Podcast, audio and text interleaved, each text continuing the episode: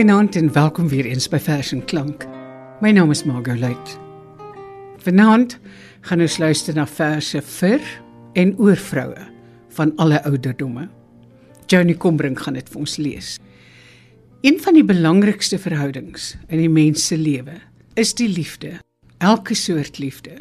En wanneer die geliefde se liefde jou op ander lieflike weë lei en ander vreugdes gee, des te wonderliker. Jy het my meer gegee as die blou van jou oë. Ook die meerblou lug tussen wit wolke oewers het myne geword. Die dromerige rookblou van ver rande. Die parelblou van die skemering. En die roekelose blou van 'n blom tussen groen gras. Jy het my meer gegee as die beroering van jou hande. Die lug het teerder om my gevloei. Die aand het my inniger as voorheen ontvang in sy koele omhelsing. En die wind het gaan lê op my bors. Jy het my meer gegee as die besorgdheid van jou stem. Die bome het hulle takke behoedsaam geneig. En die sterre het hulle rondom geskaar soos wagte. Jy het my meer gegee as die drang van jou bloed. Die warm krag van die aarde het deur my gestroom. Die sap wat lentebotsels uitstoot, het gepuls in my are. En die ewige lewe het ontkiem in my skoot. Jy het my meer gegee as die droom van een nag. Al die verlore drome van my kindertyd het teruggekeer. En in my oë het jy sterre aangesteek. Te helder om te vlug vir die daglig. Alles wat ek verloor het, en veel wat nog ongevonde was, het jy my gegee. Jy het my meer gegee as jou liefde. Die guns en die liefde van God. Johnny Combrink het Elisabeth Eybers se vers Die geskenk gelees. Ek het gedink ons moet onsself nie te ernstig opneem nie. Nie alle vrouens is goeie huisvrouens nie.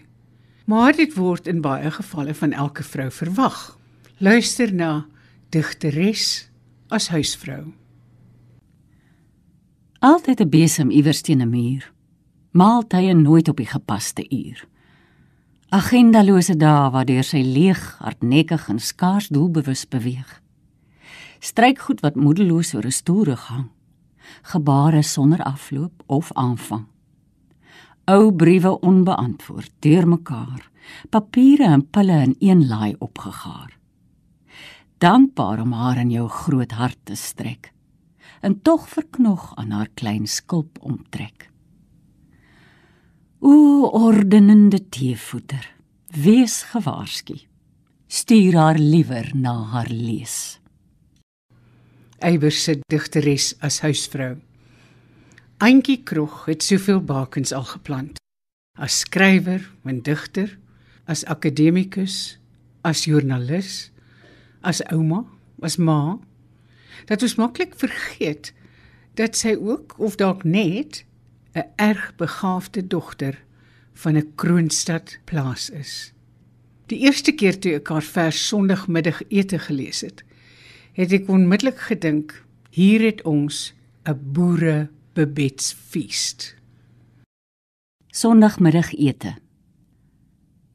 Almal is by die huis. Ek kook. Die wêreld as kos is 'n vermenslikte wêreld. Om te kook is 'n daad van hoflikheid. Die kombuis damp in goue beslag van lag en wyn en spesery. Die naalstring tussen ons en die wêreld is die kastrol. Ouma Dot se kastrol in die oond gestop met roosmaryn en stafies knoffel, sis die bout. Elke brandende bos is 'n heilige bos, maar wie skaapbout voorsit, is 'n priester. Ek kook rys asof ek vir kindertjies sorg. Met 'n titseltjie neut prys ek die skepping. Geskropte wortels begin van binne af gloei. In botter en gemmer vind hulle 'n ware stem. Boontjies dompel in wit peper en vinkel.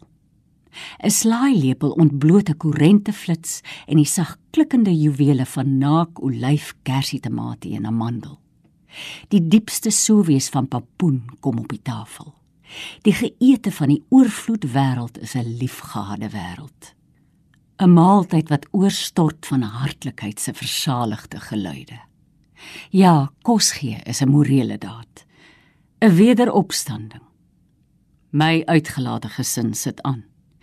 Ineens broos in hulle genoegheid, hulle onbeskadigdheid, ons almal nog saamheid. Ons prys die gulle gees, die groot genoegsame garansie. Die vatters van die aarde vat hande.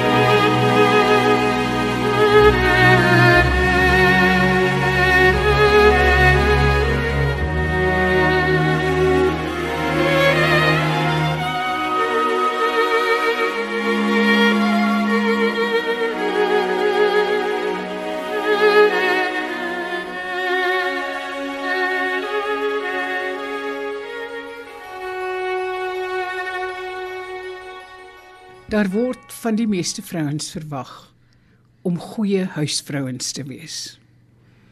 In te veel gevalle word daar ook van ons verwag om altyd jou bes te doen. Jou heel beste bes.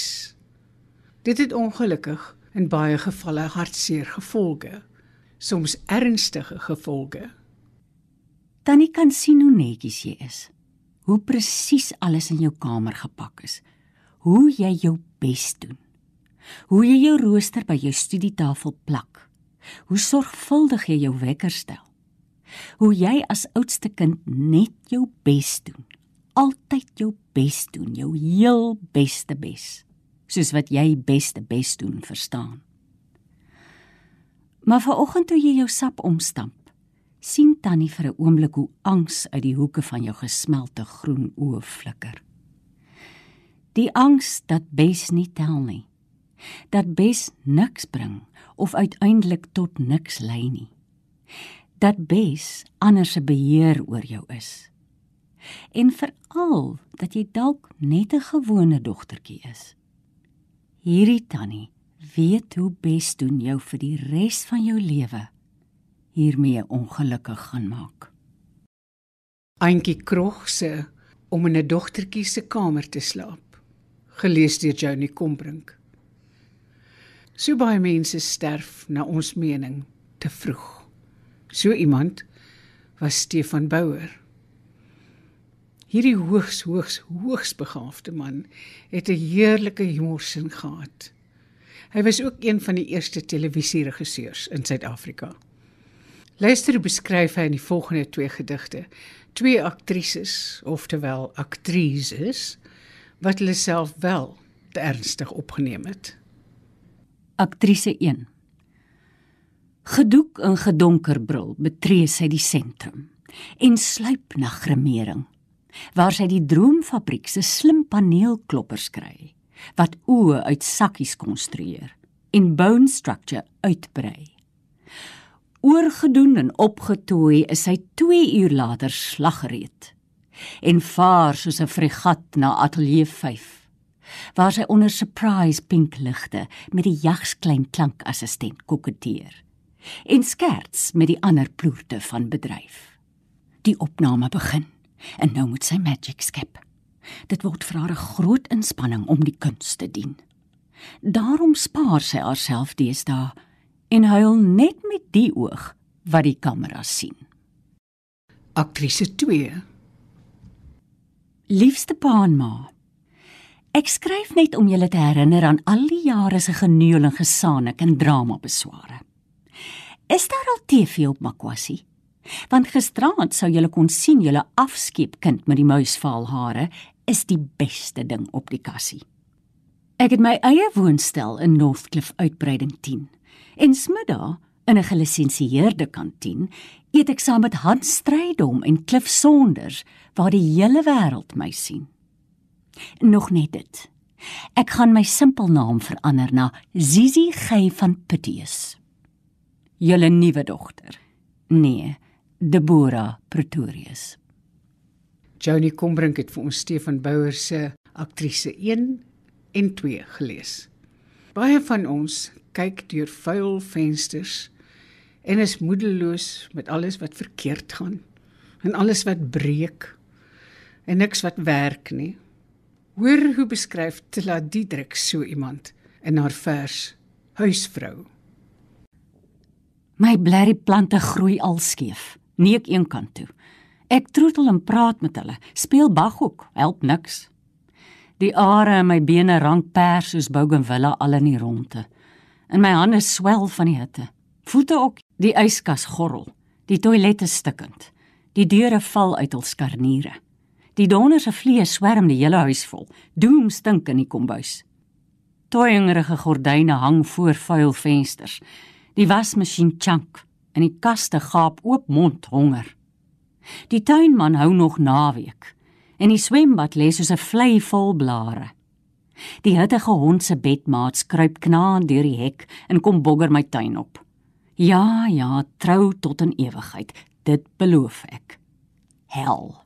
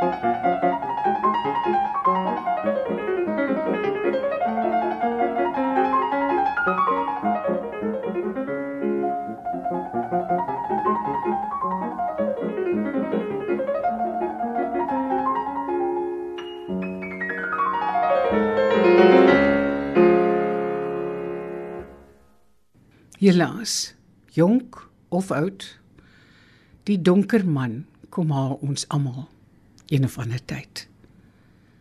Luister na Tenis Engelbreg se gedig Ou mensvers.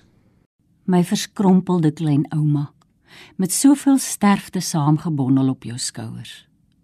Jou hande is gekreukelde wolke In jou hare grys soos die herfsblom van jou hart. Jy stotter met die sleeptong van stomheid en luister met verstopte oorskulpe na die skoonheid van geen see se brander gebreek. Jy's 'n klein droë Nyarabossie, alleen in die woestyn van wegkruip woorde. O my liewe stom blinde dowe ouma. Wanneer die wêreldgraf binnekort lywig bot, sal iets gods jou lam lyf aanraak sodat jy kan vlieg sodat jy kan vlieg Die dood van ou mense na aan jou is bitter hartseer. Maar die dood van 'n kind is baie moeilik om te verstaan en te aanvaar. Johnny Kombrink sluit ons program af met Susan Smith se vers by die dood van 'n kind. Toe die einde eindelik na al die leeggewagte weke kom, toe hy lankal geweet het dis die keer iemand anders wat hy sou genees. Het jy versigtig langs haar ingekruip en die oorgeblewe stukkie kind van jou wat weer klein en lig geword het, vas in jou lyf getrek. En toe, soos kleintyd, die storieboek sorgsaam oopgevou en haar blind weg die nuwe landskap ingelees.